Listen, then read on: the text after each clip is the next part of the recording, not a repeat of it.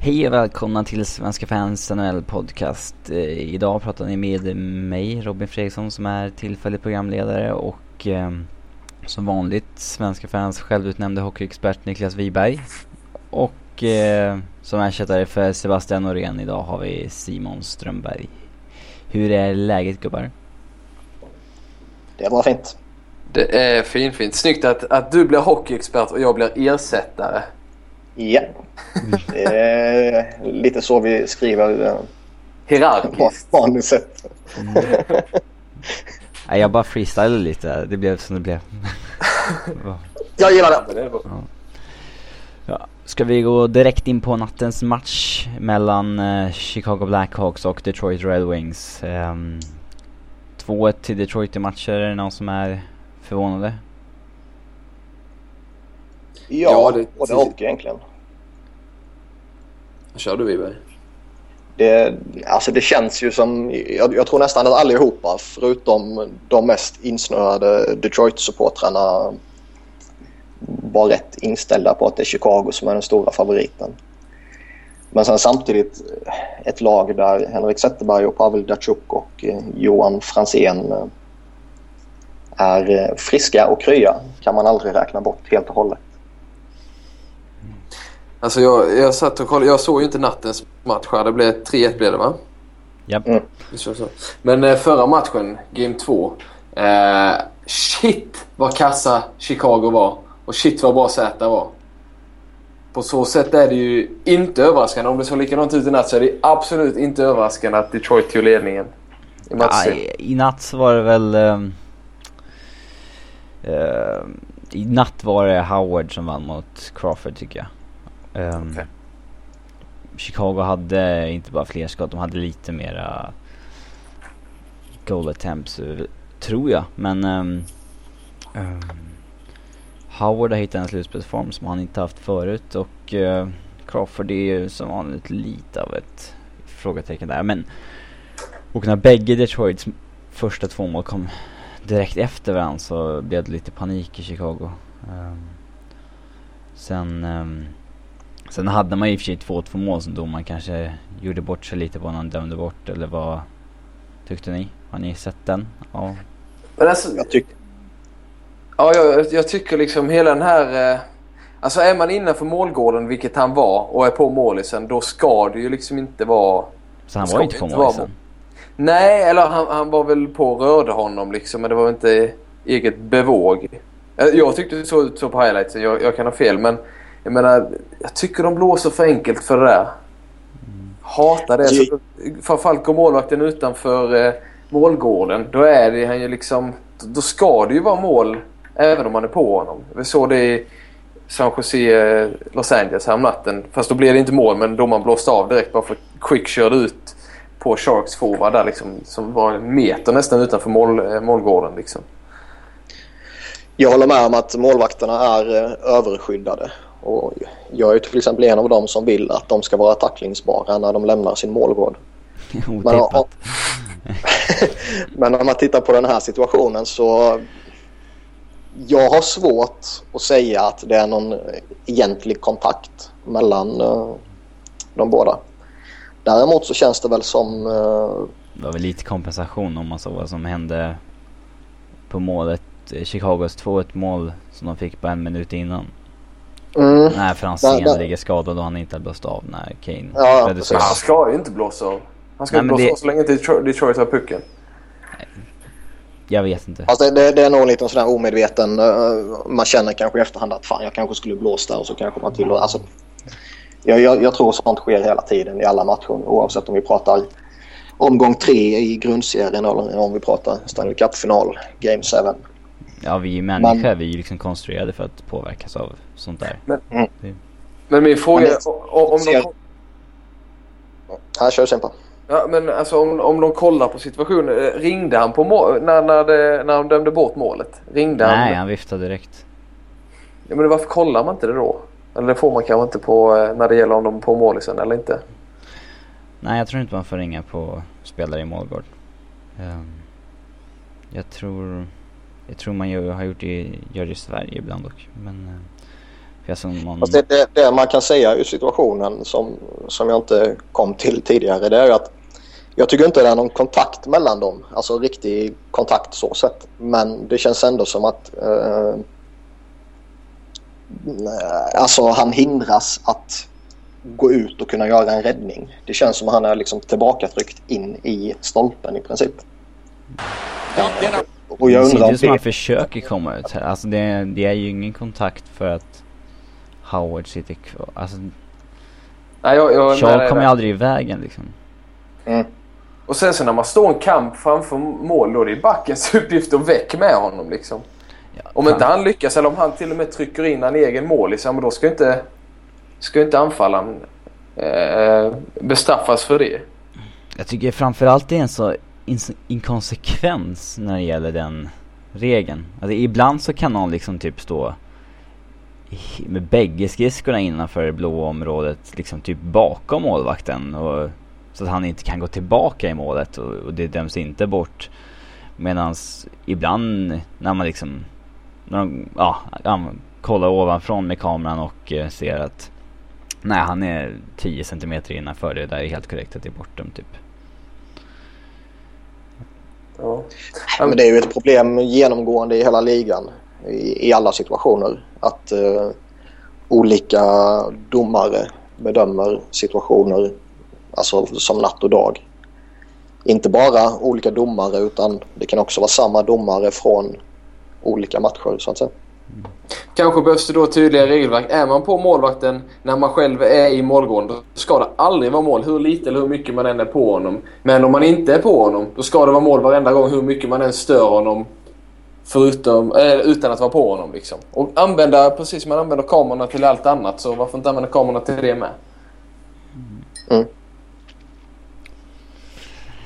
Överlag i matchserien då, är det något ni har blivit förvånade över?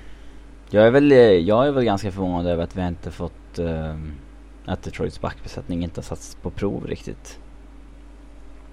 Alltså det som jag kan känna lite så här uh, spontant, det är väl om, om man ser det, det lilla gamla, vad ska man säga, klassiska mönstret där laget som fick kriga sig in i slutspel uh, och går in i slutspel på fulla cylindrar redan från start. På något sätt börjar uh, få överhanden mot det laget som uh, cruisade in i slutspel.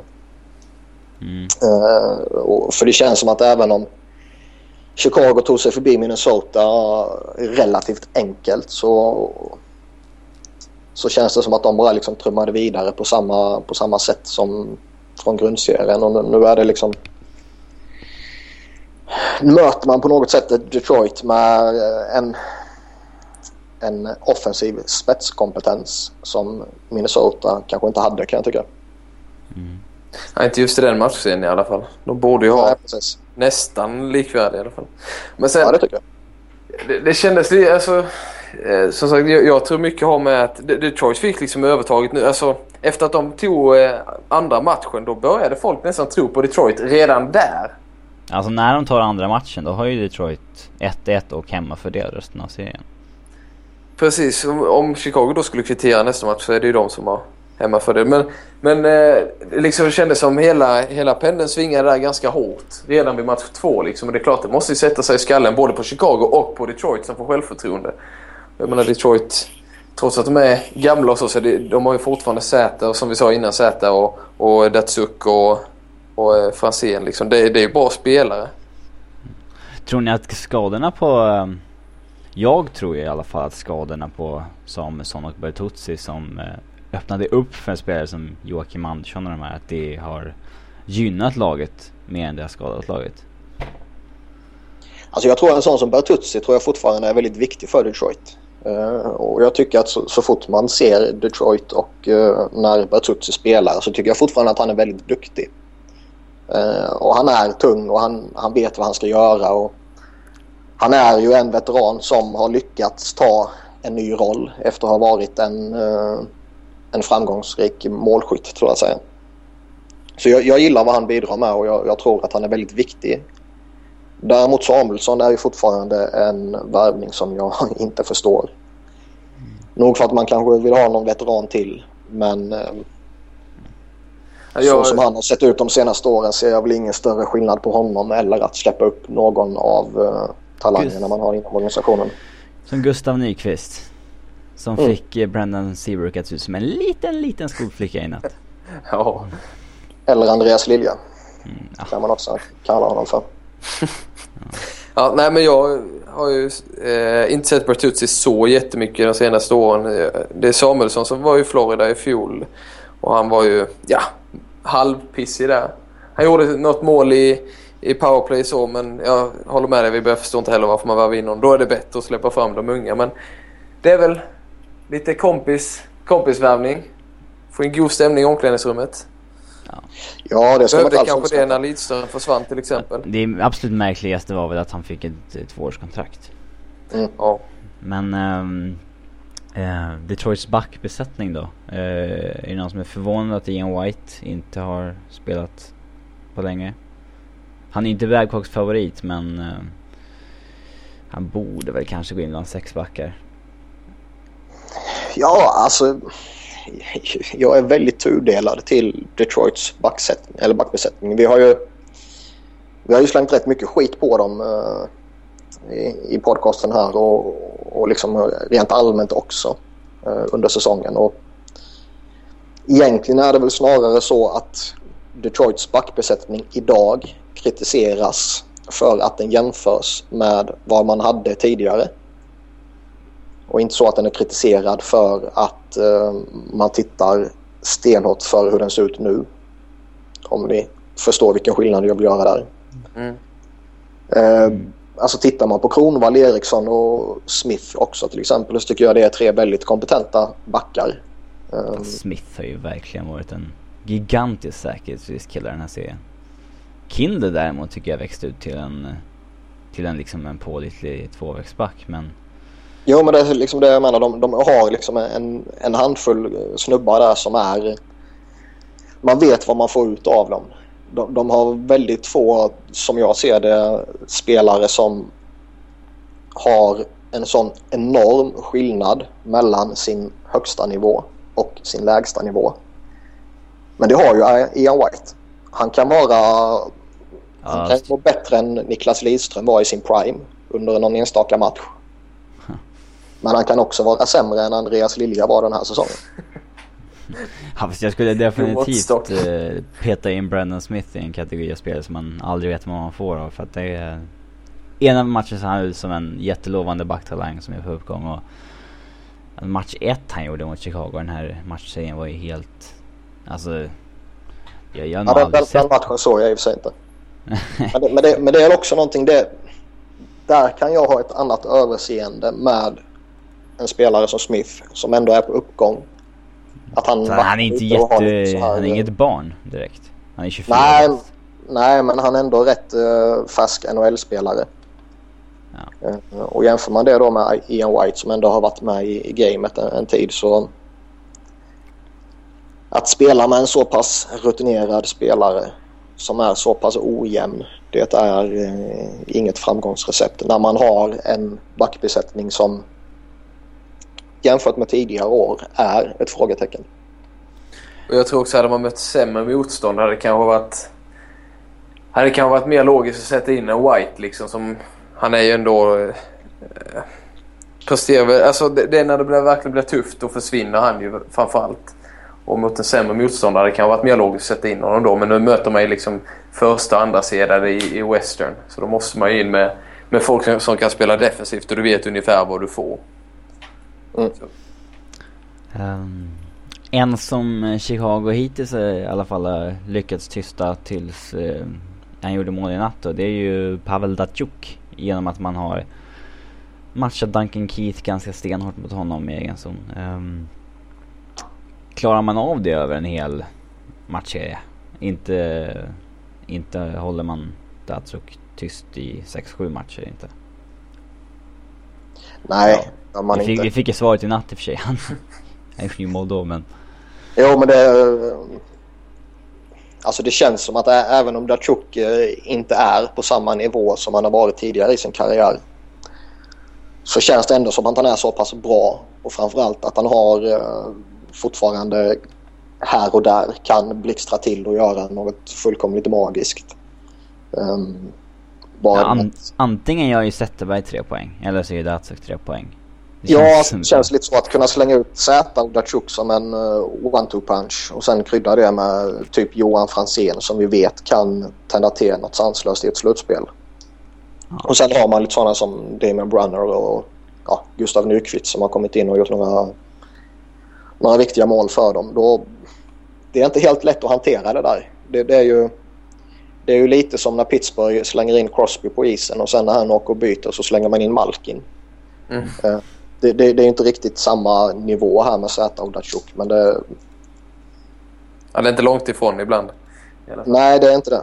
Men jag tänker, alltså Datsuk, jag tycker inte han har spelat så dåligt egentligen. Mest att poängen inte har trillat in riktigt på samma sätt. Men så kass har han väl inte varit? Nej, verkligen inte.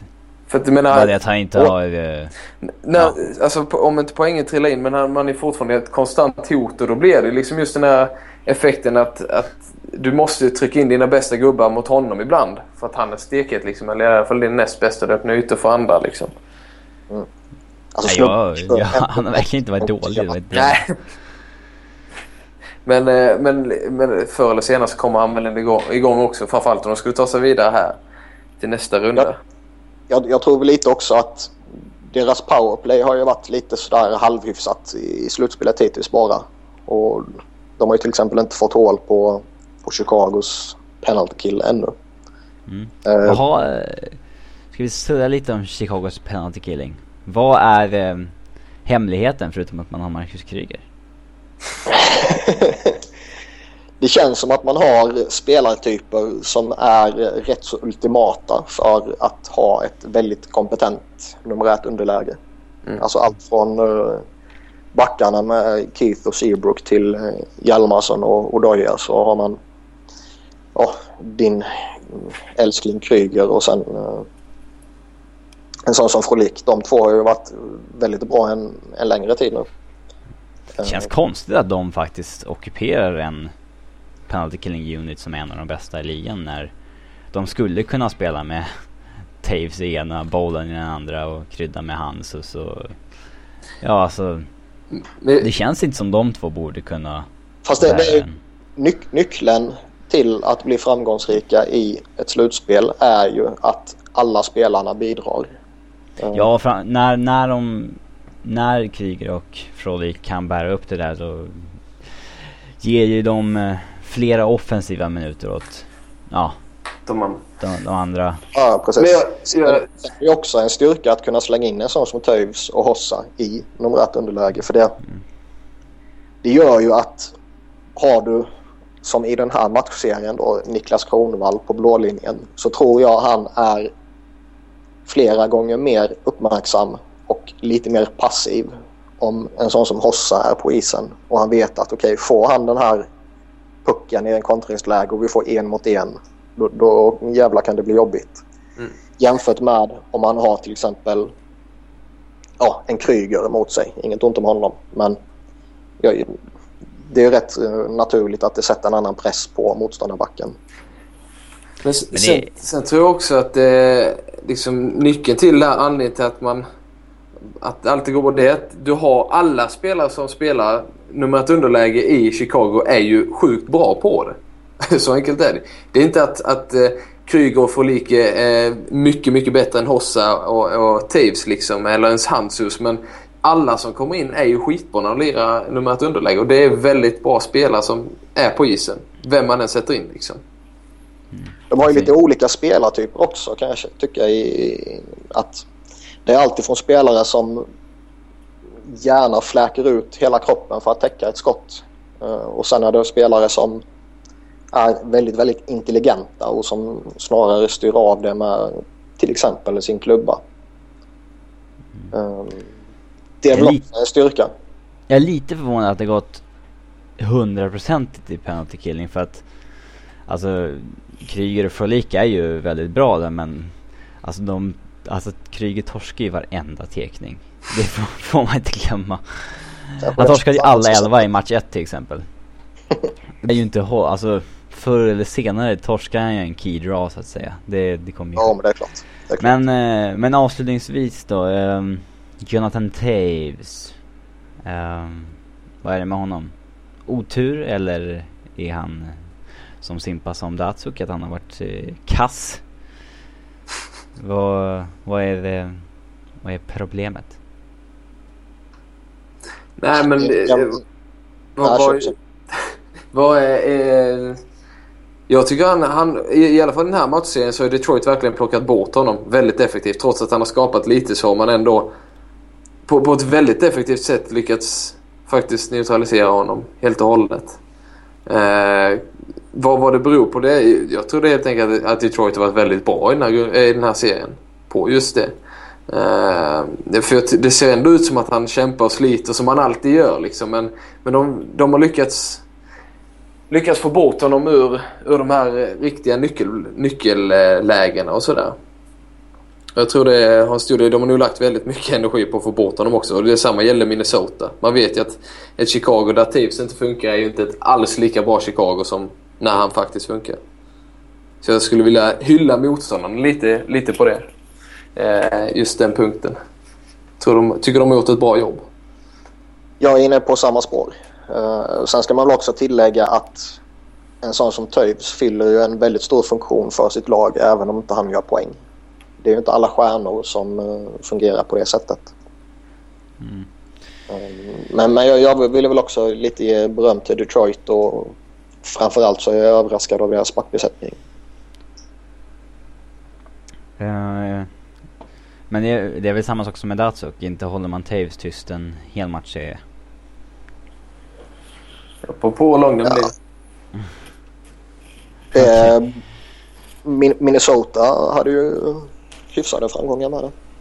Okej. Ehm, är det någon som vill ändra sitt, eh, sitt tips då? Vilka vinner? Helt enkelt. Jag, jag tror fortfarande Chicago tar det.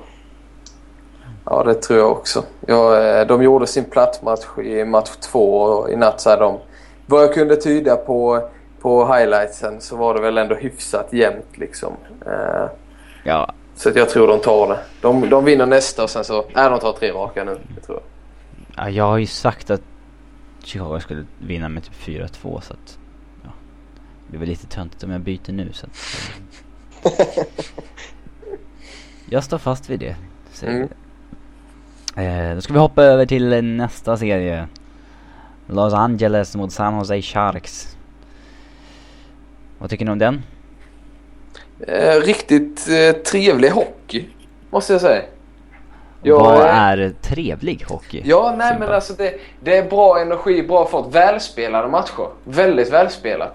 Det behöver inte vara eh, superöppet och det behöver inte vara jätte, jättemycket målchanser hela tiden. Utan bra hockey. De spelar bra. Två bra lag. Det märks ganska tydligt. Eh, som eh, alla kedjor bidrar med sitt liksom. Det är väldigt få riktigt tråkiga perioder i matcherna eller byte, eh, byten i matcherna eller sådär liksom. Utan, ja, det är bra. Bra matchserie. Två bra lag. Två lag som hade kunnat lira konferensfinal. Tycker jag. Som det ser ut just nu. Så att tre matcher in på serien. Mm, ja, men det är en bra matchserie. Den mest underhållande hittills, tycker jag. Ja, i sudden-avgörandet och Kings vändning där i match två Mm. på grund av en eh, lite halv, eh, lite tveksam packout på Marka Vlasic vill jag minnas att det var. Eh, Mm. Det var en riktigt bra match. Men jag tycker alla, alla matcher har varit, eh, har varit väldigt trevliga att titta på. Det är, det är bra fart och bra energi och ja, väldigt välspelat. Jag tror båda coacherna är nu ganska nöjda med hur lagen presterar. Nu står det i mitt körschema här eh, en fråga. Jeff Carter, är han Kings viktigaste forwards? Och jag misstänker, eller viktigaste forward. Jag misstänker att Wiberg har tagit med den här frågan för att han vill kunna svara nej på den helt enkelt. Eh, om man tittar på laguppställningen på pappret så är det väl tre forwards som är viktigare. Och det är ju Kopitar, Richards och Dustin Brown kan jag tycka. Men tittar man på de faktiska prestationerna på isen i det här slutspelet så eh, får jag nog svälja all stolthet jag har och säga att Jeff Carter är eh, huvudfavoriten till att vara det vill jag tycka. Eh, och jag tror väl att de flesta som lyssnar på den här podcasten och som läser det jag skriver på Svenska fans och det jag trycker ur mig på Twitter tror nog att de är nog rätt så insatta i vad jag tycker och tänker om Jeff Carter. Uh, han är nog fortfarande samma svin som han var när han var i Philadelphia. uh, om man tittar på hur han uppträder och hur han är och allt sånt där utanför isen. Men det känns som att han har hittat en till nivå i sitt spel i Los Angeles.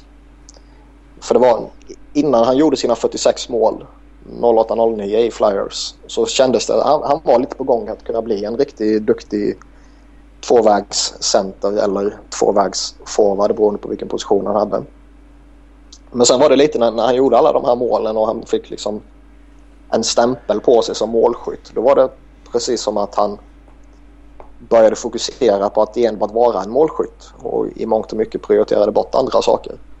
Um, jag tror väl han fick ett rejält uppvaknande när han skeppades iväg till Columbus. Uh, och sen när han skeppades vidare till Kings då så tände han Såg den väl som en ny chans? Ja, lite så var det nog. Det är så jäkla viktigt att ha den där forwarden som huvud, vars huvuduppgift är att göra mål helt enkelt. Ja, och alltså tittar man på deras viktigaste forwards i det här slutspelet så är det ju Jeff Carter och Mike Richards som producerar. Um, och Carter som gör målen av de två då.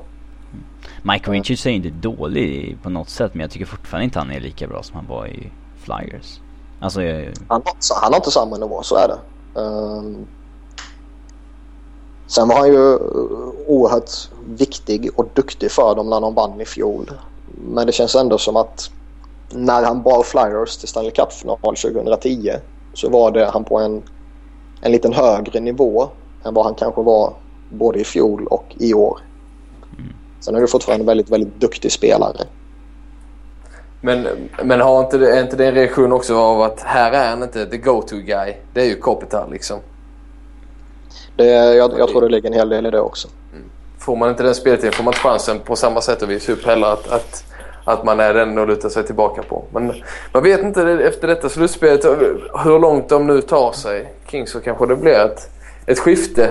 I alla fall på, kanske inte just i poängläge. Klart Kopitar kommer alltid, eller alltid, men sannolikt under väldigt många år vara bästa poängplockare i Kings. Men ändå att när det väl gäller så kan man gå till, till, eh, till Richards.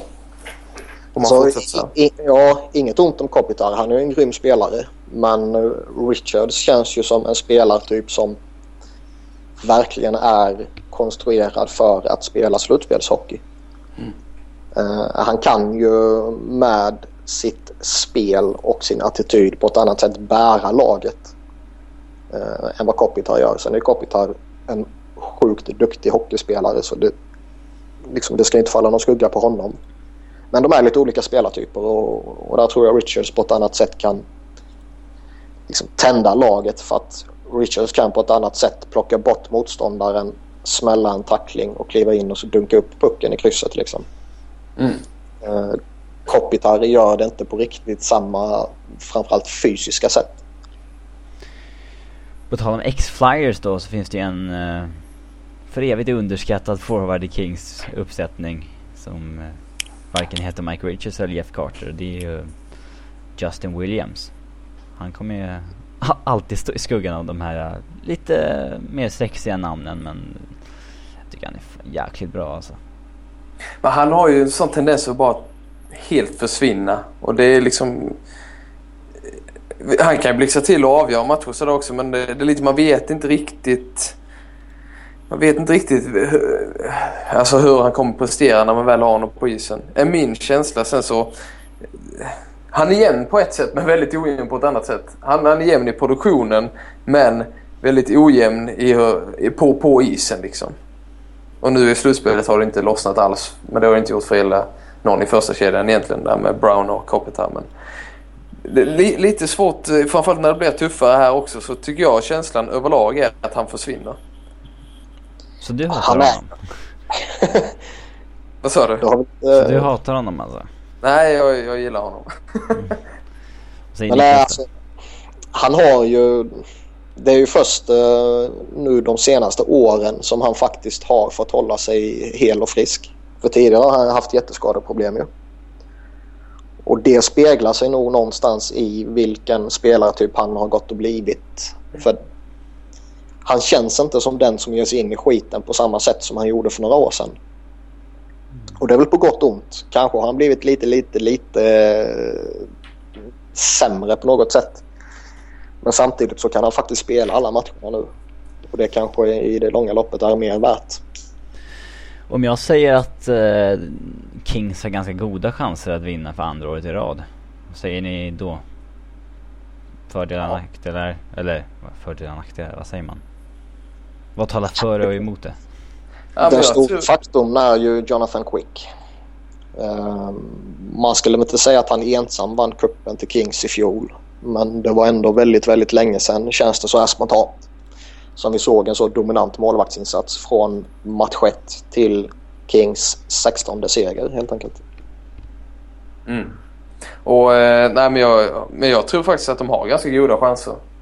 Eh, det känns lite som att när, när Chi- Chicago vann året efter så var det ett helt annat lag. Då kändes det liksom inte alls... Det var inte ens rimligt att de skulle vinna kändes det som.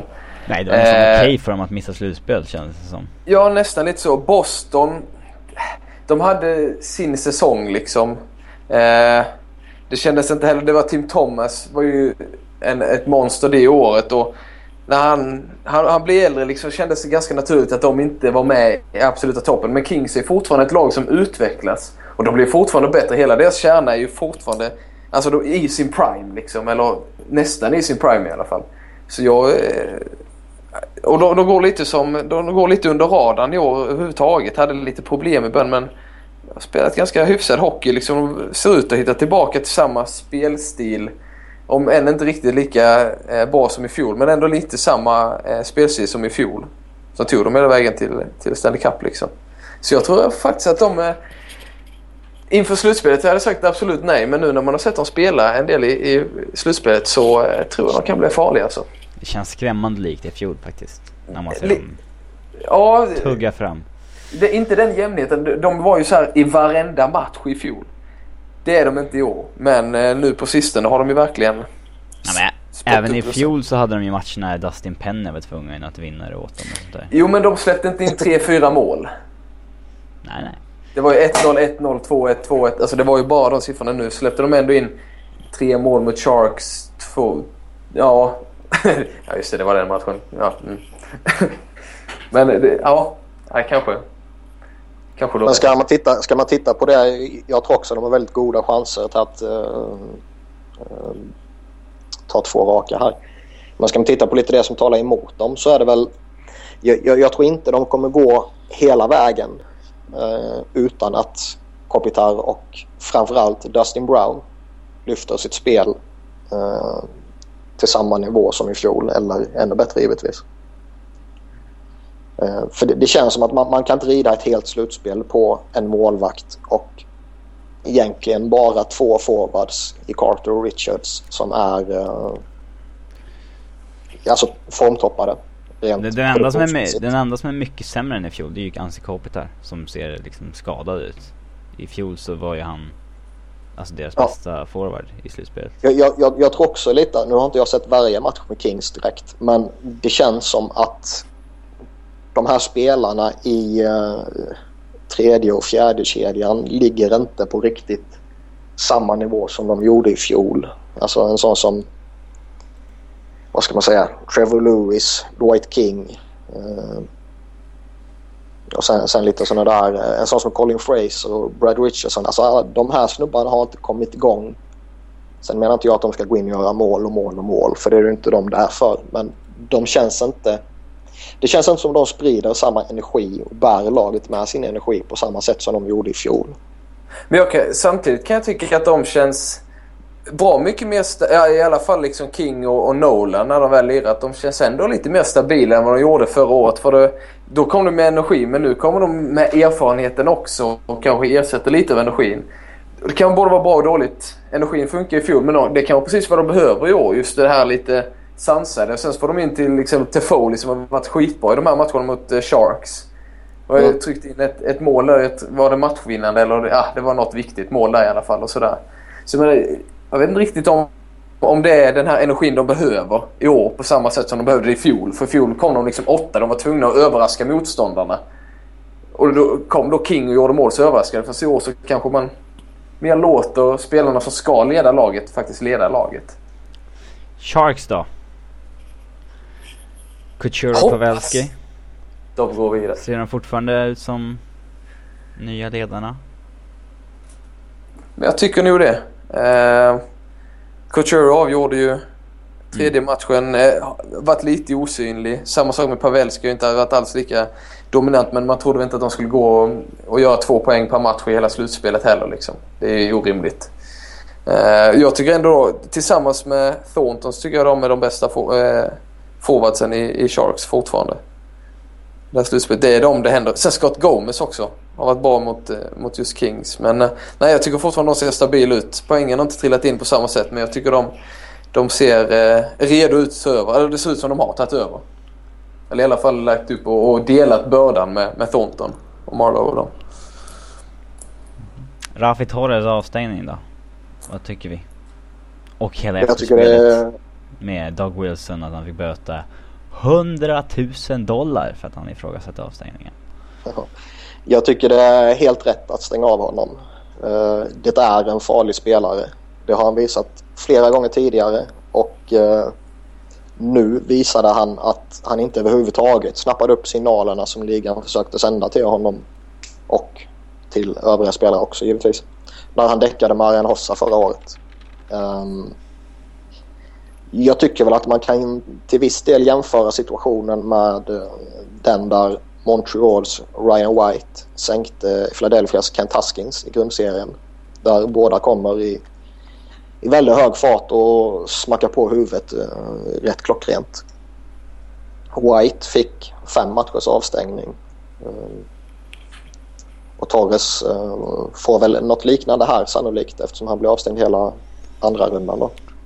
Man måste ju behandla det som en sex matchers avstängning för att han kan ju bli avstängd sex matcher. Som, Mm, mm, mm. ja. Vad, vad tyckte Eh. du om den då, Simpa? Situationen eller? eh, Situationen?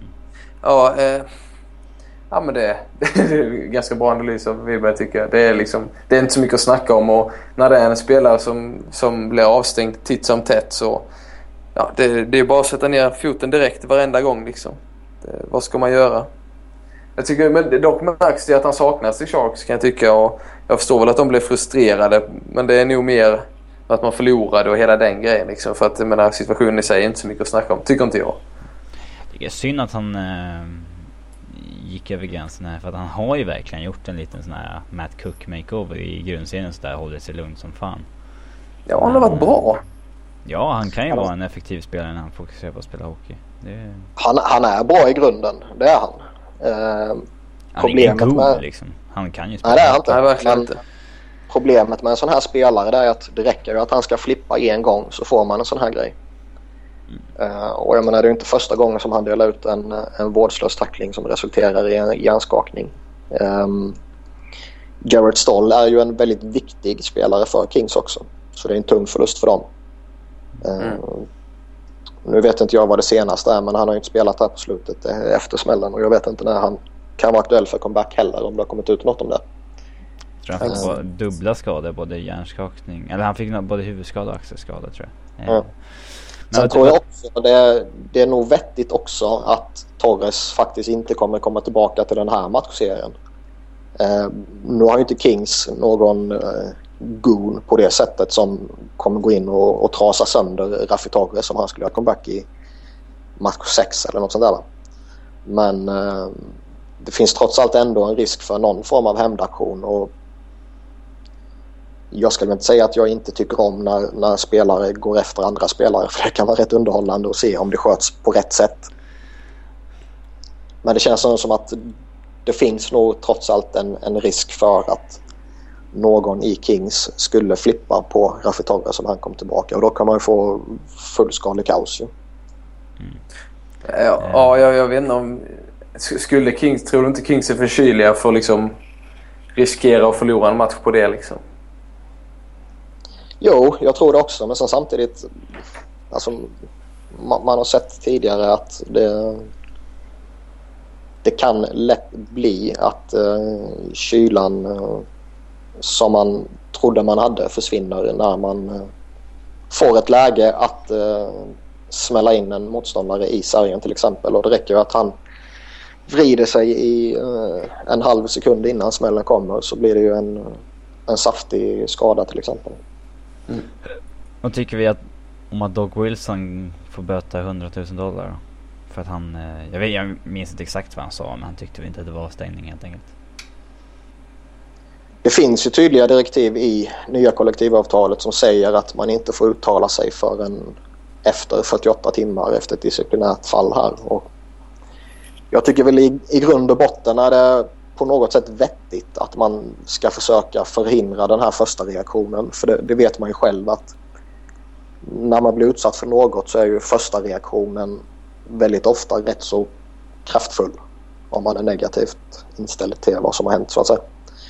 Uh, så den kan nog vara vettig på något sätt att uh, att vilja tona ner en första reaktion så att känslorna kan svalna och hela det resonemanget. Men vi vet ju sedan tidigare att ligan aldrig, med betoning på aldrig verkligen, tolererar någon form av kritik från varken lag eller individer inom ligan. Då, och det tycker jag är riktigt fegt.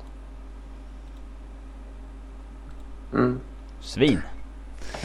Nej men eh, Eh, jag håller med dig liksom hela det här att, eh, att det är klart det, det är bra med en liten cooling off eh, time. Men sen man måste ju få sig, man måste ju få klaga. Vem ska de annars klaga till? De har ingen podcast som kan sitta och klaga i, eller? Nej. Nej men eh, sen ska jag dock tycka det är klumpigt för han vet ju reglerna och, men 100, och 100 000 det är ett ganska saftigt bötesbelopp. Men det känns ju som att det är, är det första gången nu efter eh, nya kollektivavtalet. Det är det va? Jag mm, jag tror ja, jag tror det. Och de sätter väl ner foten direkt och visar att vi kommer att tolerera någonting. Så han, det, väl lite... det, det som också blir lite märkligt är att spelare som gör något regelvidrigt och som bestraffas med böter. Alltså där det inte bedöms vara tillräckligt eh, allvarligt för en avstängning, då får man böter ju. Det är ju inte i närheten av lika stora bötesummor som Sharks fick här till exempel. Och, och den eh, vågen där, där det balanserar, det känns också lite konstigt. Där det är liksom värre att kritisera ligan i media än att eh, dunka en klubba i huvudet på en spelare. Men det är väl lite som sagt för att man, om nu det här första fallet, man måste direkt visa att vi accepterar absolut inte det här för att annars är ju risken att ja, men det är värt, eller så man det är skillnad på att böta liksom en halv miljon svenska kronor eller, eller liksom eh, en 50 000. Det är ganska stor skillnad. Så jag kan ändå köpa att nu första gången sätter man ner foten ordentligt för att det inte ska bli liksom för att det inte ska bli öppet och säga vad man vill. Jag kan ändå köpa det och sen så det, det går inte att jämföra med om du slår ner en kille liksom som du säger klubbar ner honom men Å andra sidan, är det så allvarligt så brukar det ändå leda till avstängning. Så att... Nåja. Mm, ja, men jag tycker det nog det är rätt. Skitsamma. Eh, vi eh, går vidare till nästa matchserie mellan Pittsburgh Penguins och Ottawa Senators. Vad, har, vad tycker vi om den hittills? Spännande? Kass? Eh, alltså man, det, det, känns ändå som att... Eh, Alla väntar bara på att Pittsburgh ska eh, krångla sig förbi Ottawa. Nej, men lite så. Jag, jag, jag trodde väl egentligen att man kanske skulle eh, ha det lite lättare än vad man faktiskt har haft. Sen är det ju det, man var, vad var det, ett, ett skott i overtime från att leda med 3-0 till exempel. Ja. Och äh, Naff, Naffe kvitterar i, i boxplay med 29 sekunder kvar förra matchen. Det är ju små marginaler. Det är bara slarv. Det är slarv bara från Pittsburgh. Så. Ja, men det är lite det. Alltså det, det, det känns ju lite som att uh, den, den, stora skillnaden mellan två lag som jag tycker att... Alltså, inget av lagen maxpresterar. Men den stora skillnaden är ju stjärnorna. Uh, Crosby, Malkin, de leder Pittsburgh. Medan en sån som Erik Karlsson och sannolikt också Mila Michalek uh, plågas av sina tidigare skador. Mm. Ja, det verkar ju som att uh, Karlsson kunde ju komma tillbaka och liksom vara skitbra men han är ju inte... Han, är, han går ju in i en ny säsong typ utan att ha en försäsongsträning i sig. Typ, mer eller mindre nu. Ja, alltså man kan se rätt eh, tydligt att han har lite problem med lite rörlighet och, och trycka ifrån och skridskoåkningen generellt. Och sånt där. Mm, är... Sen kommer han ju sannolikt alltid göra sina poäng. Mm. Men han kommer också vara... Alltså var han ett litet orosmoln i egen zon när han är fullt tränad så är det ju ännu mer påtagligt nu när han har en, en hälsena som eh, ger honom lite problem. Om vi kollar första matchen, eh, eller inte första, det är då när Crosby gjorde hattrick, andra matchen. Första mm. målet i den matchen när Crosby han eh, gör en klubba skridskor på Erik Karlsson så att han ställs ute vid sargen. Mm. Jag menar, så jag kommer inte ihåg vem det var jag snackade med på, men det var någon på Twitter som skrev då att att jo men vanligtvis brukar man bara vända sig om och peta bort pucken då även om man blir bort, bortfintad. Och det ligger väl lite i det kanske att nu, nu blottas det här liksom att han är inte bra i försvaret men nu kan han inte rädda sig på grund av sin fina skridskoåkning till exempel. Mm. Och det blir ganska tydligt. Och ja, de skulle aldrig få för sig att sätta Karlsson på bänken naturligtvis. Men i vissa fall så kan det ha varit smart att sätta in någon som är, som är pigg och kry eller frisk liksom, som faktiskt kan prestera på 100%. Alltså framförallt bör man ju kanske överväga att eh, matcha honom. Nu vet inte jag, nu har inte jag lagt någon jättefokus på han matchas ju mot Crosby. De matcherna sett. Men, ja, men det känns som att man, man kanske inte bör matcha honom stenhårt mot Crosby och Malkin. Eh, sen är det ju svårt eftersom en av de två nästan alltid är på isen, känns det som. Mm. Men, ja, alltså i klart man kan tänka, se på Erik Karlsson och säga nej han ska inte spela mot Crosby. Men okej, vem ska spela då? Mot honom? Ja, och, det och plus att... Endre Benoit eller? Ja, men sen plus att det är klart att, eh, att eh, Bilesma han, han försöker trycka in dem mot Karlsson också. Det borde han försöka ja, i alla fall. det är klart. Så att, det känns men, även, men Karlsson spelar ju liksom tre minuter mer än Goncha. Som är två år Goncha. Det har varit skitbra i år så jag hade ju ner lite på istiden på Karlsson. Man inte absolut nödvändigtvis måste spela. Och lägg lite mer på Goncha eller vem man nu vill ha in. Men Pittsburgh, Pittsburgh har i stort sett tre första kedjor. Alltså, man kan inte... No. Om man kör Goncha mot Malkin och sen Karlsson och Crosby, det... Ja. Det kan ju bara gå på ett sätt. Ja, det... Ja, men, men grejen är att ska man maximera Erik Karlsson i den eh, alltså, om man säger fysiska statusen han är i nu. Då är det ju att få igång hans produktion fullt ut. Och det gör man inte när han tvingas spela försvarsspel mot Sidon Crosby eller Giviani Malkin. Nej, men det gör man. ändå spela liksom. Nej, men sen samtidigt alltså, jag, jag tror lite att Ottawas chans i den här matchserien det är ju att eh, Pittsburghs målvakter klappar samman. Ja, alltså målvaktsmatchen det är där, det är där Ottawa har ja, det enda stället de har liksom ett övertag. Craig Anderson ja. är en mycket bättre målvakt än Vokon och Flurry. Ja. ja, exakt. Och då måste man... i alla fall. Eh, ja, just nu. Ja, men jag, jag, tycker det är rätt tydlig skillnad där. Och alltså då måste man, okej okay, hur, hur ger vi Vukun eller Fleury om nu han skulle komma in eh, störst problem? Jo, det är ju kanske att mata Erik Karlsson mot dem. Eh, tillsammans med de övriga offensiva stjärnorna givetvis. Så där tycker jag, där, där kanske man bör överväga lite att... Eh, och det kommer ju Paul McLean, han är ju inte dum i huvudet, han är ju väldigt kompetent också. Så han, han försöker ju säkerligen uh, få in Erik Karlsson mot tredje fjärde kedjan i Pittsburgh. Men uh, Ja. Kanske bör man lägga ännu mer fokus på det kan jag tycka. Mm. Han var ju uppe och snurrade bort Douglas Murray och Saihörn där men... Eh, och det är ju en back vars skridskoåkning man gärna matchar Erik Karlsson emot. Ja, alltså framförallt när de sätter ett backpar med Derek England och eh, Doug Murray. Eh, även om Erik Karlsson har en hälsena som kanske är halvt avsliten så åker han ju förbi dem utan problem. Ja. inget snack. Um, Jason Spets är tillbaka då. Kan det, kan det faktiskt påverka den här matchserien? Så att uh, Pens...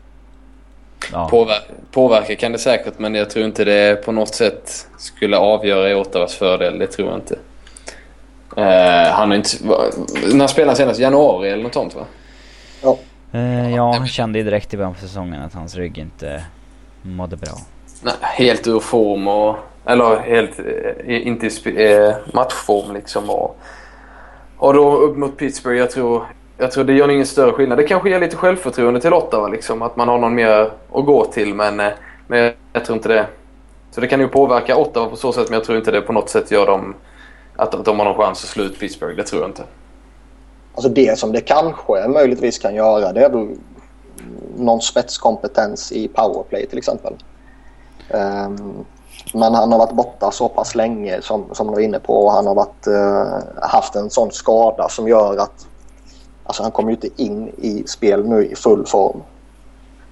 Eh, jag, jag, tror inte han kommer göra några jättestora avtryck rent prestationsmässigt. Mm, men jag skulle väl inte heller bli förvånad om, om han skulle göra lite skada i framförallt powerplay. Pittsburgh då, om vi, om vi bortser från deras mediokra målvaktsspel så um, är det någonstans mer de inte är igång ännu. James Neal är väl den enda forwarden som inte har kommit igång på alla cylindrar.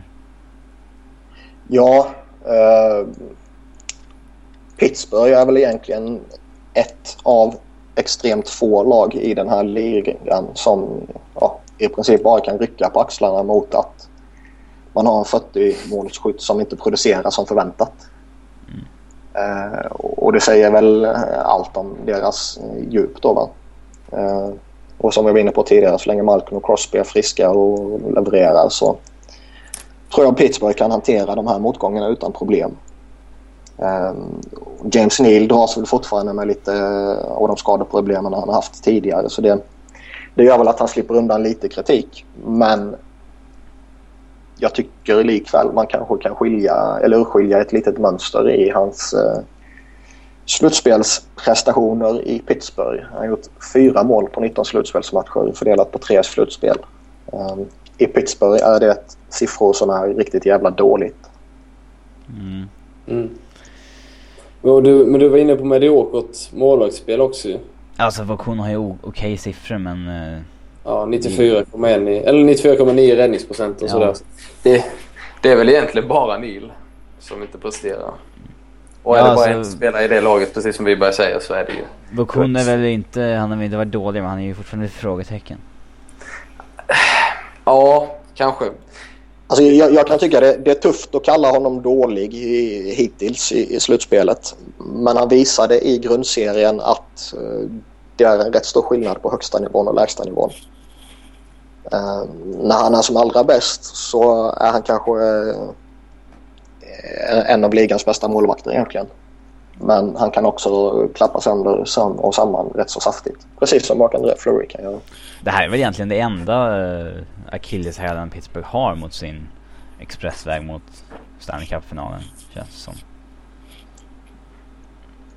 Ja, det är bra lag. Alltså, jag menar ett Boston i en potentiell conference-final. Liksom, Boston kan nog verkligen störa dem tror jag. Jag tror det är de som har störst chans att rå på Pittsburgh. Så jag tror inte de, ser inte dem som självklara segrare eller ens Stanley Cup-finalister. Trots de är naturligtvis favoriter men jag tror inte det är så självklart. Men jag tror inte det bara beror på målvakterna heller. Det, det kan... Får man bort Crosby eller Malkin liksom så... Ja, det, det är ett stort om. Ja, men, men ändå. Det är, det är inte omöjligt. Alltså... Han smäller med knäna så är han borta. Ja, men lite så är det ju. Gå, gå, in, eh, gå in och spela tufft. Ottawa är ju... De är inte på något sätt klena, men deras bästa spelare är inga, inga monster liksom på så sätt fysiskt. Om man då kollar att Boston till exempel, Milan Lucic som kan sätta press på Paul Martin i, i försvaret och Chris Letang liksom. Och, och sen så Chara plockar bort han plockar bort vem som helst i princip. Även om han inte är riktigt lika bra som för ett par år sedan så är han fortfarande fruktansvärt bra i en, en shutdown-roll. Liksom. Mm. Så jag ser inte så självklart. Och jag tror inte det är framförallt målvaktsspelet som eh, så utan jag... Nej, jag, jag ser bara Det framför är- mig det är eh, väl, Bostons uh, skadebenägna backbesättning mot eh, Pittsburghs extremt breda forwardsuppsättning. Men det är en matchserie som vi inte ens vet om den kommer bli av. Nej, så att nej det, precis. det, fin- det finns ju lite frågetecken för Pittsburghs backbesättning också. De är ju extremt eh, beroende av att Paul Douglas Martin, Murray. att Paul Martin och Brooks Orpik verkligen eh, kan ta hand om motståndarens bästa offensiva spelare. Mm. Eh, Chris Letang är en bra spelare. Han har förbättrat sin defensiv jättemycket. Men när han får spela med Matt Niskanen eller Mark Eaton eller eh, ja, vad har han spelat med? Han har spelat lite med Simon Depré också tror jag. Alltså det, det backparet känns väldigt osynkat. Eh, jag har själv inga problem att slänga in vilka spelare som helst mot ett backpar där Chris Letang spelar med någon i Pittsburghs försvarsbesättning som inte är Paul Martin eller Brooks Orpik. För då är det frågetecken defensivt. Och som sagt, som de gjorde några matcher där de slängde in England tillsammans med Douglas Murray i ett backpar där det kan bli jävligt tufft i, i egen zon för Pittsburgh då. Ja, jag, jag tror nog mer eh, försvaret i helhet än just målvakterna är, en, eh, är det i så fall som kan, som kan vara lite tungt för Mm. Pittsburgh. Okej. Men vi tror att Pittsburgh tar det här med 4-1 eller 4-2? Eller? Ja, 4-2 säger jag. 4-1. Då går vi vidare till den sista matchupen. Eh, Boston mot Rangers. 2-0 matcher hittills. Förvånade? Nej, Nej. Inte, inte direkt. Det. Bo- Boston är starka och... Ja, ja både offensivt och, och defensivt är de starka. Det är ett bra lag vann Stanley Cup för ett par år sedan och... Ett, och precis som Kings är ett äh, slutspelslag känns det som. Många av deras spelare eh, kanske går halvsover i grundserien men en sån som Milan Lucic, även om inte han gör jättemycket poäng så brukar han bidra. Och om då till exempel David Krejci som han har gjort i detta slutspelet då öser in poäng. Mm. Då har man ett riktigt, riktigt bra lag. Och så jäkla nu mycket man- sparkapital som inte har kommit igång än eller? Ja, och menar, om man kollar på, vad heter han, Krug. Som gått in och gjort tre poäng på två matcher mot Rangers. Det är ju en hyfsad ersättare i, backbesättningen. Där man har skadeproblem som du nämnde innan. Ehm, ja. eh, men den här backbesättningen, de håller den alltså utan... Det är ändå bra många namn, eller framförallt fel namn som saknas även om de är kvarkära. Alltså jag, jag, jag tror att eh, så länge Rangers eh, största namn spelar som de spelar Ja, det är för sig sant. så tror jag inte att Boston har några problem med den här backbesättningen. Så länge man har... eh, Alltså så länge Chara är frisk så spelar han, är han på isen halva matchen. Då är det lugnt liksom. Eh, och har man sen en av Johnny Boychuk i ett annat backpar till exempel så då löser man det utan problem. För Boychuk är eh, riktigt jävla bra alltså. Mm, Sen har ja, han sån som Adam McQuaid. Han, han ger bra stabilitet. Ehm, men sen är det klart, alltså ställs de mot Pittsburgh. boy, och Om vi nu ska titta ett steg längre fram så behöver de ju utan tvekan både Seidenberg och Ferrens tillbaka. Boychuk verkar spela lite banged up. Han sitter ju och grimaserar i båset rätt, uh, rätt ofta. Oh, ja. Gör han inte alltid det? Ja. Fan, det är ganska bittert att Colorado bytte bort honom mot Matt Hendricks. För några år Ja, sedan. den är du inte nöjd med va? Nej, nej. Ja, nej men, eh, nej, men jag, jag, Boston har ett, alltså även om Inne på det, alltså för, försvar, eh, deras an, eh, alltså forwards är ganska bra i defensiven också. Du har Marchand, du har eh, Bergeron, du har... Eh, eh, Ja, det är Alltså, inga säkerhetsrisker där. Nej, utan det, det är bra spelare så även om de förlorar backar så har de forwards som kan kompensera en del av det som du hade fått från backspelet. Sen är det klart, ska du gå hela vägen till final så bör det väl både och. Men jag tror ändå att i alla fall i den här matchen mot Rangers så kommer det räcka även om de inte hinner få tillbaka Seidenberg då framförallt som jag tycker är väldigt underskattad back. Eh, att om de inte hinner få tillbaka honom tror jag de reder ut det ändå. Sen får vi inte glömma det heller. Claude Julien är ju en väldigt bra coach. Som Ja. jag tycker genom åren i Boston här framförallt har visat att han är eh, kompetent på att hantera spelarförluster. Men visst fan hade han fått sparken om de inte hade ordnat en heroic comeback i match 7 där? Eller? Ja, tror du det? Jag är inte så säker på det. Alltså skulle han fått uh, kicken så skulle han nog fått kicken tidigare i så fall. För de hade ju någon... Uh, uh, det var ju... Var det 2011 när de vann? Där de var på väg att torska mot Montreal typ i första rundan eller något sånt där va? Mm. Mm. Ja just det, det var då Halak var asbra va? Ja, Ah. det känns som att... Men det, det var där någonstans där de var på väg att torska mot Montreal. Något år där i alla fall. Och det, det känns väl snarare som att... Där, där någonstans eh, skulle det i så fall varit risk för kicken. För jag tror att den här säsongen oavsett om de skulle åkt mot Toronto eller om ja, de kollapsar nu mot Rangers till exempel så tror jag en sån som Julian sitter väldigt säkert. Eh, Framförallt om man tittar på marknaden så finns det ju inte jättemånga attraktiva alternativ där ute som faktiskt är bättre än vad Claude Julien är. Ehm, nu ser jag att uh, Wiberg har skrivit upp Jaromir Jagr i körschemat. Han vill ju dunka sig själv på ryggen lite grann. Gällande honom. att han inte passar in i Boston. Så att, varsågod. Eh, ja, alltså jag, jag, jag vill ju givetvis inte bara hylla mig själv även om ja, det är ju alltid befogat såklart. eh, men jag sa det redan när de signade honom och vi har pratat om det tidigare att det, det är en spelartyp som inte passar in i Bostons mentalitet och i deras system. Eh, sen är det väl lite som när vi pratade om det var förra eller förra, förra programmet där vi pratade lite om Teemu Selänne. Eh, Det är tufft att slänga skit på en 40-plussare. Han är så jävla Eh. gammal så att. Nej men jag menar det, det finns... eh, Det är inte så att han gör skada direkt. Han gör ju mer nytta i det Nej. här slutspelet än det de gav upp för honom. Draftvalen och... Ja så är det. Så är det. Det- Han gör ju ingen skada för dem som du säger och han klev fram med lite viktiga passningspoäng till exempel när de vände i, i sista matchen mot Toronto och lite sånt här. Eh, och han har ju inte varit eh, dålig på något sätt. Eh, men han har inte heller varit bra. Nej.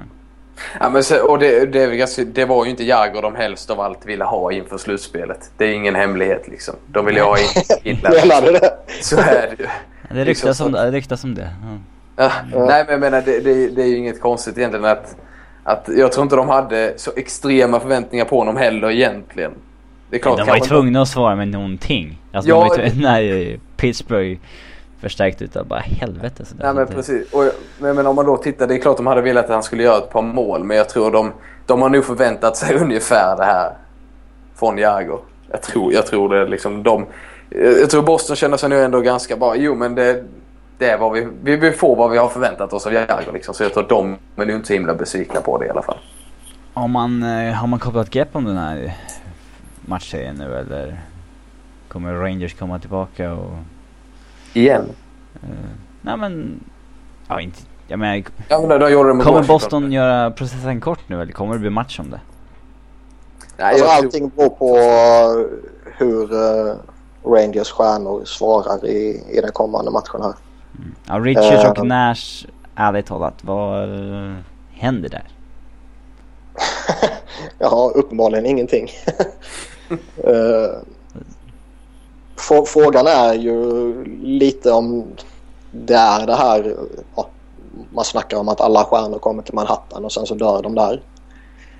Ehm, jag tycker att en sån som Rick Nash rent prestationsmässigt sköter sig bra. Han har haft lite otur. ja.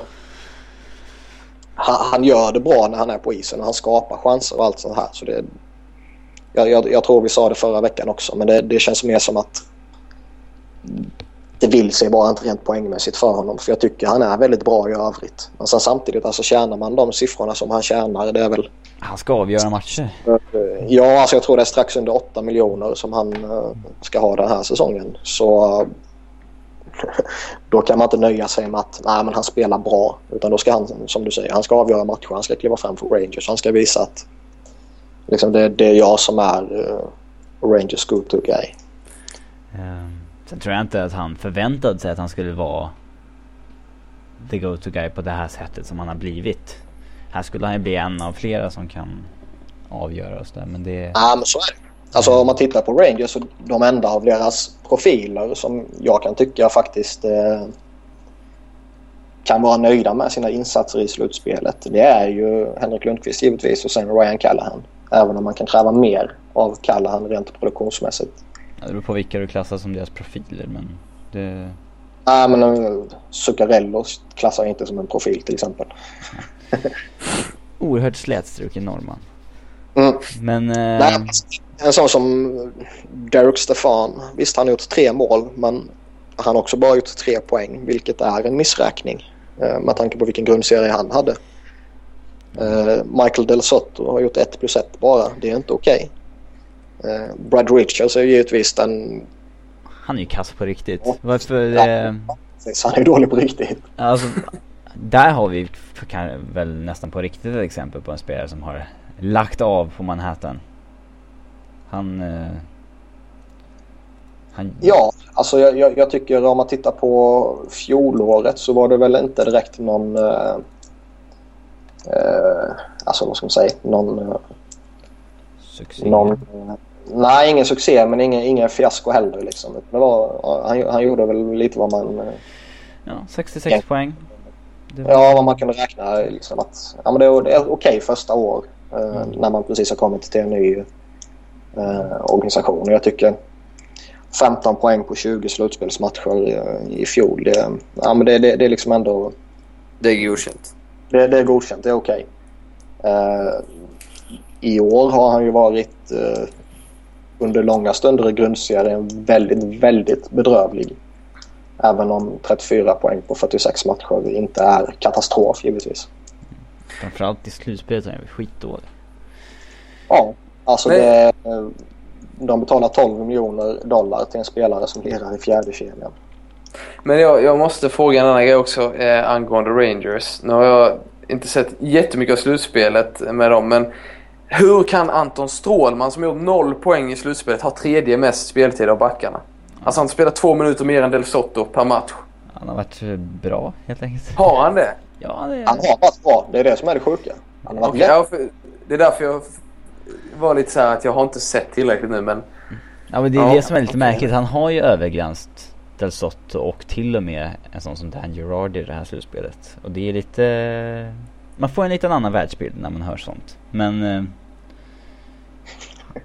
det är kudos till eh, Tårtan för att han ger den istiden han har förtjänat. Jag spelar fyra minuter mer per match nu än vad jag gjorde i grundserien. Mm. Sen är det klart, Stahl spelar inte heller. Sen är, sen är det väl, man, man, kan väl vrida och vända på det där lite att Strålman har varit jättebra och har väl kanske med Ryan McDonough vara deras bästa back kan jag tycka.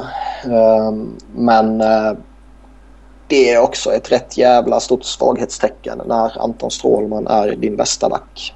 Ja, verkligen. Ja, Dan Girardi har inte kommit upp i nivå. Del Sotto har inte heller det och John Moore har väl gjort vad man kan förvänta sig av honom. Eh, och Emmen ja, gör också antar jag. Han, han, har väl inga förväntningar på sig. Men... Eh. Sen saknar man ju Mark Stahl som Simpa var inne på. Han har ju inte spelat. Och, och jag menar det, det, är ju när han är frisk och helt hundraprocentig eh, så är det ju en toppback i ligan. Uh, men den, eh, den stora frågan då. Hur dålig är Karl Hagelin i powerplay? han fick ju lira powerplay. Ja, men det är det som är lite intressant. Alltså Tortorella, alltså det, han är ju en helt okej okay coach. Men han är också väldigt, väldigt märklig. Det är lite samma uh, Mourinho-grej ibland. Man undrar såhär, okej okay, vad tänkte han med ja, det här? Alltså det, det bara, ja. Alltså skulle han sagt något sånt här till eller då, var det inte till Hagelin, det var till pressen. Men om... Ännu snällare. ja, men om man skulle sagt något sånt här om typ Rick Nash, Brad Richards, eh, vad sa vi tidigare, Derek Stefan, eh, Del Soro till exempel. Då, då, skulle det kunna vara liksom att ja, men han försöker pumpa igång de här killarna för att uh, kunna vända den här uh, serien. Han är inte så insatt i den svenska mentaliteten direkt. Nej, dels tror jag väl inte som du säger att Hagelin tänder sig kanske inte av det. Uh, men jag tycker faktiskt att Hagelin är väl en av de få i Rangers som man egentligen inte kan kritisera. För någonting. Han, är... han har varit jättebra i slutspelet. Han är en... Ja, han sa ju det också Tortorella att han älskar ja, honom var... som spelare men uh, he stinks on the powerplay. Ja men det, var, det, är väl egentligen inget konstigt heller egentligen att säga en sån grej. Alltså i och med att han, tänk, han vill ju inte... Han sa det ju typ tio gånger på två minuter. He stinks on the powerplay. Ja men, men det är ju Tortorella liksom. Det är liksom... Du får ta det med en ja, det, ja men det, det, är det jag menar liksom att... Uh,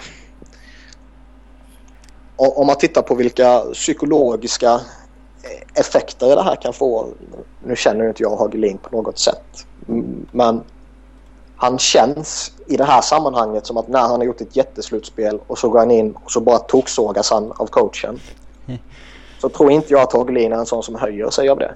Eh, utan det känns som att Tortorella om han har någon uns vett i sin hyfsat kompetenta skalle ändå så är det ju andra spelare som han ska rikta in sig på. Mm. Mm. Om han hänger ut någon och inte en av sina bästa spelare faktiskt oavsett om han har gjort 40 poäng i powerplay under grundserien. Um, eller som det var denna säsongen, en poäng i powerplay under grundserien. Ja. Uh, så, så känns det som att det, det, det, finns andra alternativ som John Tortorella bör fokusera på om han på något sätt försöker tända dem. Ja. Eller slänga skit om det bara var det han var ute efter. Jag tänkte om det är någon coach som efter det här slutspelet kan riskera att ryka så kanske det är just Tortorella. Det tror jag. För att eh, det känns som att med, med det laget, alltså de har ett väldigt bra lag. Och visst, backarna är väl kanske inte så namnkunniga men det är bra backar. Och, men där är väl deras svaghet annars egentligen om man bara tittar på pappret. Framförallt med Stahl borta men tycker ändå att man bör prestera på bättre. Sen så är det ingen skam att åka ut i conference semi men på sättet man, man förlorar matcher, sättet man med, med tanke på vilka spelare man har och vilka det är som bär laget så tror jag att det kanske är ett Tortorella sista säsong. Man är ju här för att uh, Lundqvist spikade igen i match 6 och 7. Annars, ja men så är det. Annars hade de åkt ut i första det rundan och det hade varit fiasko liksom, efter de tre, Det är det jag tänkte säga. Liksom, trots att de, trots de värvningarna som man har gjort här mot slutet och man, man har ändå skakat om laget lite med, med vissa av sakerna man gjorde. Men likväl så är det Henke Lundqvist som man lever eller dör med. Mm. Eh, spelar han bra, ja då kan han faktiskt hålla laget levande. Men eh, skulle Hen Henrik Lundqvist helt plötsligt bli lite mänsklig då kommer ju det här laget falla sönder och samman. Vilket han blev senast till exempel. Ja, jag hörde en, hörde en intressant sak uh, som Lundqvist sa efter första matchen när de torskade i sadden. Att han sa till media efteråt att att jag är, jag är värdelös in overtimes. Och han har ju typ något sådär, han har vunnit fem och torskat 16 overtimes eller något, eh, något liknande. Um, och bara att han säger det till media, det tyder ju ändå på att han går och har det där i bakhuvudet när han går in i overtime. Ja. Det är ju inte... Jag tror det, är, det är lite som när vi var inne på uh, domarna i början på programmet. Det, det är ju mänskligt också att om du vet att du är dålig på någonting och du hamnar inför den situationen. Då eh, tror jag väl utan att ha någon psykologexamen att eh, i princip alla människor börjar få tvivel i skallen. Mm. Nåja. Visst eh, tror vi väl att Boston eh, ordnar det här? Eller? Ja. Ja. Säger vi att Lundqvist skäl en match och sen så tar eh, Boston två till och vinner med 4-1. Det är det bästa Rangers kan hoppas på i dagsläget. Typ. Mm. Men, men tänk då på det, alltså vi har ju en möjlighet här där, där vi kan få de fyra senaste Stanley Cup-mästarna i conference-final. Ja. Det är väl ganska eh, dominant av dem. Eller då om Detroit slår ut Chicago så är det i alla fall fyra av de fem senaste. Ja, det, det är lite de senaste årens powerhouse som kommer göra upp om det här. Det är om man då går tillbaka ända till 2007, om man kollar vilka som är i conference kvart, eller semifinal nu, då är det ju även åtta som var i final 07 då. Ja. Och ja, alltså det är ju det är samma lag som är där. Även fast inte samma lag vinner två i rad. Så. Om inte Kings gör det.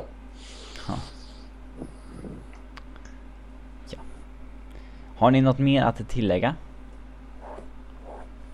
Nej, det är nog Nej, alltså det, det som är väldigt intressant kring, eh, kring Rangers och eh, framförallt Brad Richards det är ju att det är lite till och från under säsongen spekuleras lite om att eh, Rangers skulle lägga en av sina amnesty buyouts på honom. Eh, och det snacket har ju fått ännu mer fart nu under eh, slutspelet här vid. Men det måste de ju nästan göra. Alltså antingen den här sommaren eller nästa. De måste ju ta chansen. Jag tror Jag inte tror de, att- de håller honom, honom i ett år till i alla fall. Jo, jag tänkte säga det. Jag tror att de, alltså med tanke på lite vad för övriga saker det finns på marknaden och eventuellt plocka in. Fast de jag kanske måste köpa ut honom om de ska förlänga med Hagelin och Stefan. De Så kommer ju ha lite cap... Eh, Fast de har ändå, jag tror det är strax under 15 miljoner de har nu eh, tillgängligt till, eh, till nästa säsong. ja, strax under 15 och de har... Då ska de förlänga med McDonough, Hagelin och Stefan. Och Ja, eventuellt men- om de inte vill tappa honom. Mm. Men alltså det, det, det bör man lösa och skulle man hamna i, i skiten så finns det alltid några kontrakt man kan trada iväg liksom. Men Ja. Så kan man göra sig av med Richards nästa år om det så fall skulle Mm. också. Det, det känns lite som att köpa ut honom redan nu. Det, alltså det, det är ju lite samma Panikartat. Ja, det är panikartat och alltså det är rätt pinsamt också. Det är ju samma med, med Bruskalov som vi har pratat om eh, till och från här också de senaste veckorna. Att, eh, Det är mer pinsamt att ha kvar honom. Ja, lite så. Men, men alltså Philadelphia och Rangers är ju två av lagen som kan ta den ekonomiska smällen genom att köpa ut ett sånt här kontrakt. Ja. Jag tror där, eh, skulle Rangers köpa ut Richards eh, nu till sommaren så har jag för mig det är typ 24 miljoner som de ska hosta upp till honom.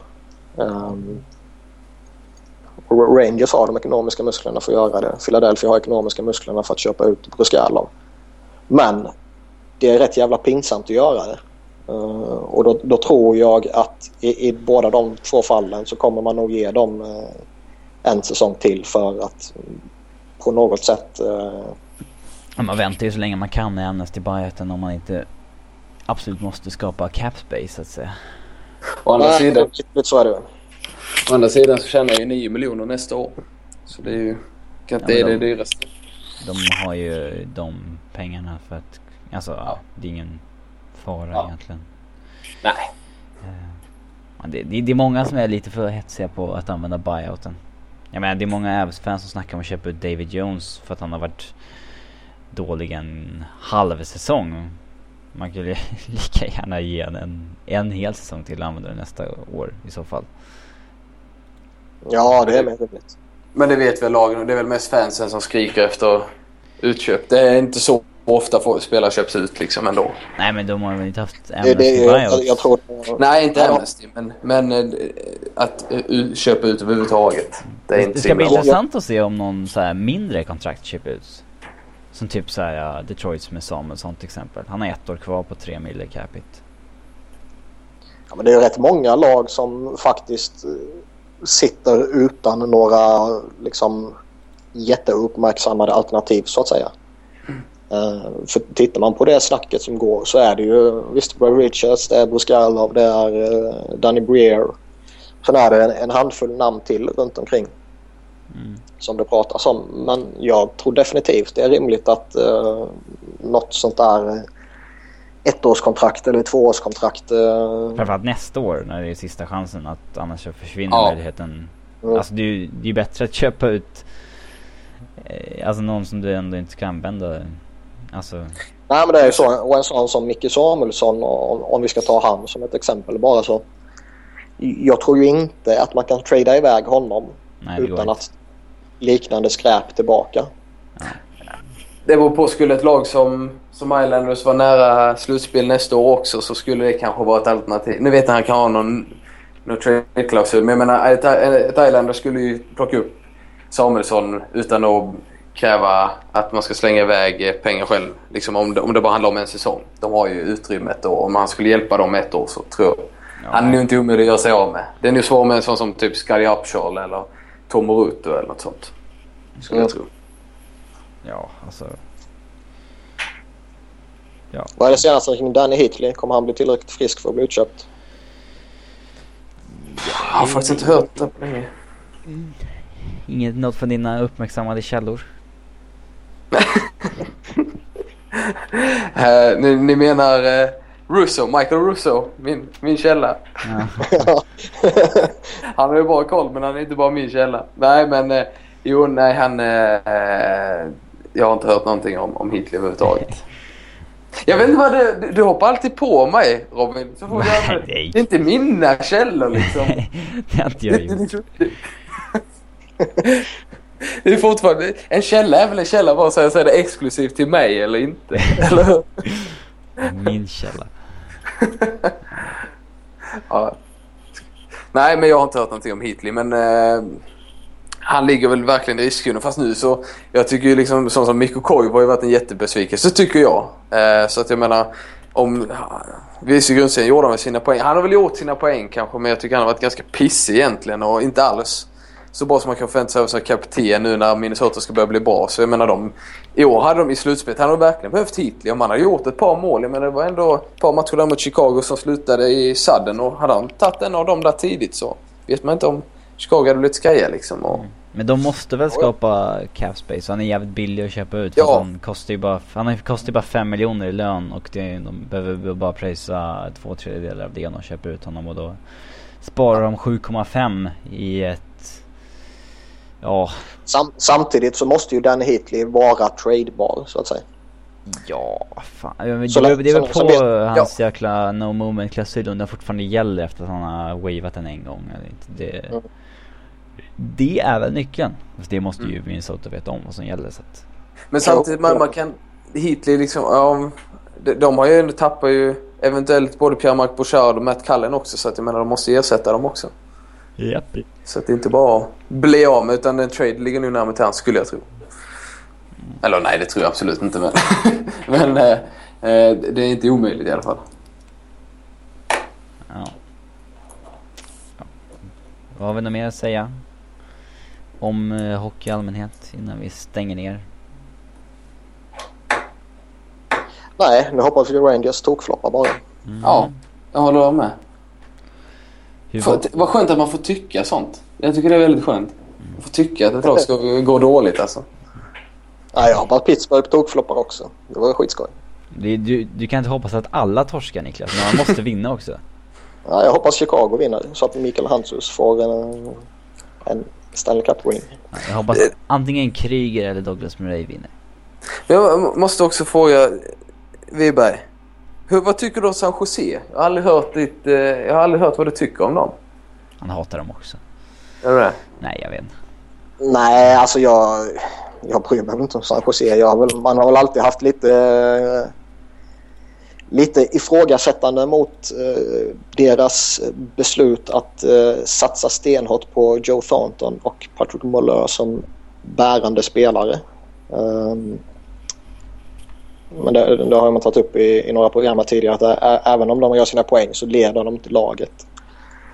Nu tycker jag att de har fått det i, i, i Pavelski och, och Couture så då, då känns det som att nu, nu har de något spännande på gång. Annars... Men vad, jag menar, men vad, vad, vad är dina känslor? Ah, Okej, nej för det var känslomässiga jag tänkte på. För du har ju åsikter om varje lag. Det känns som att du har känslor om varje lag egentligen. Ja, det har jag nog.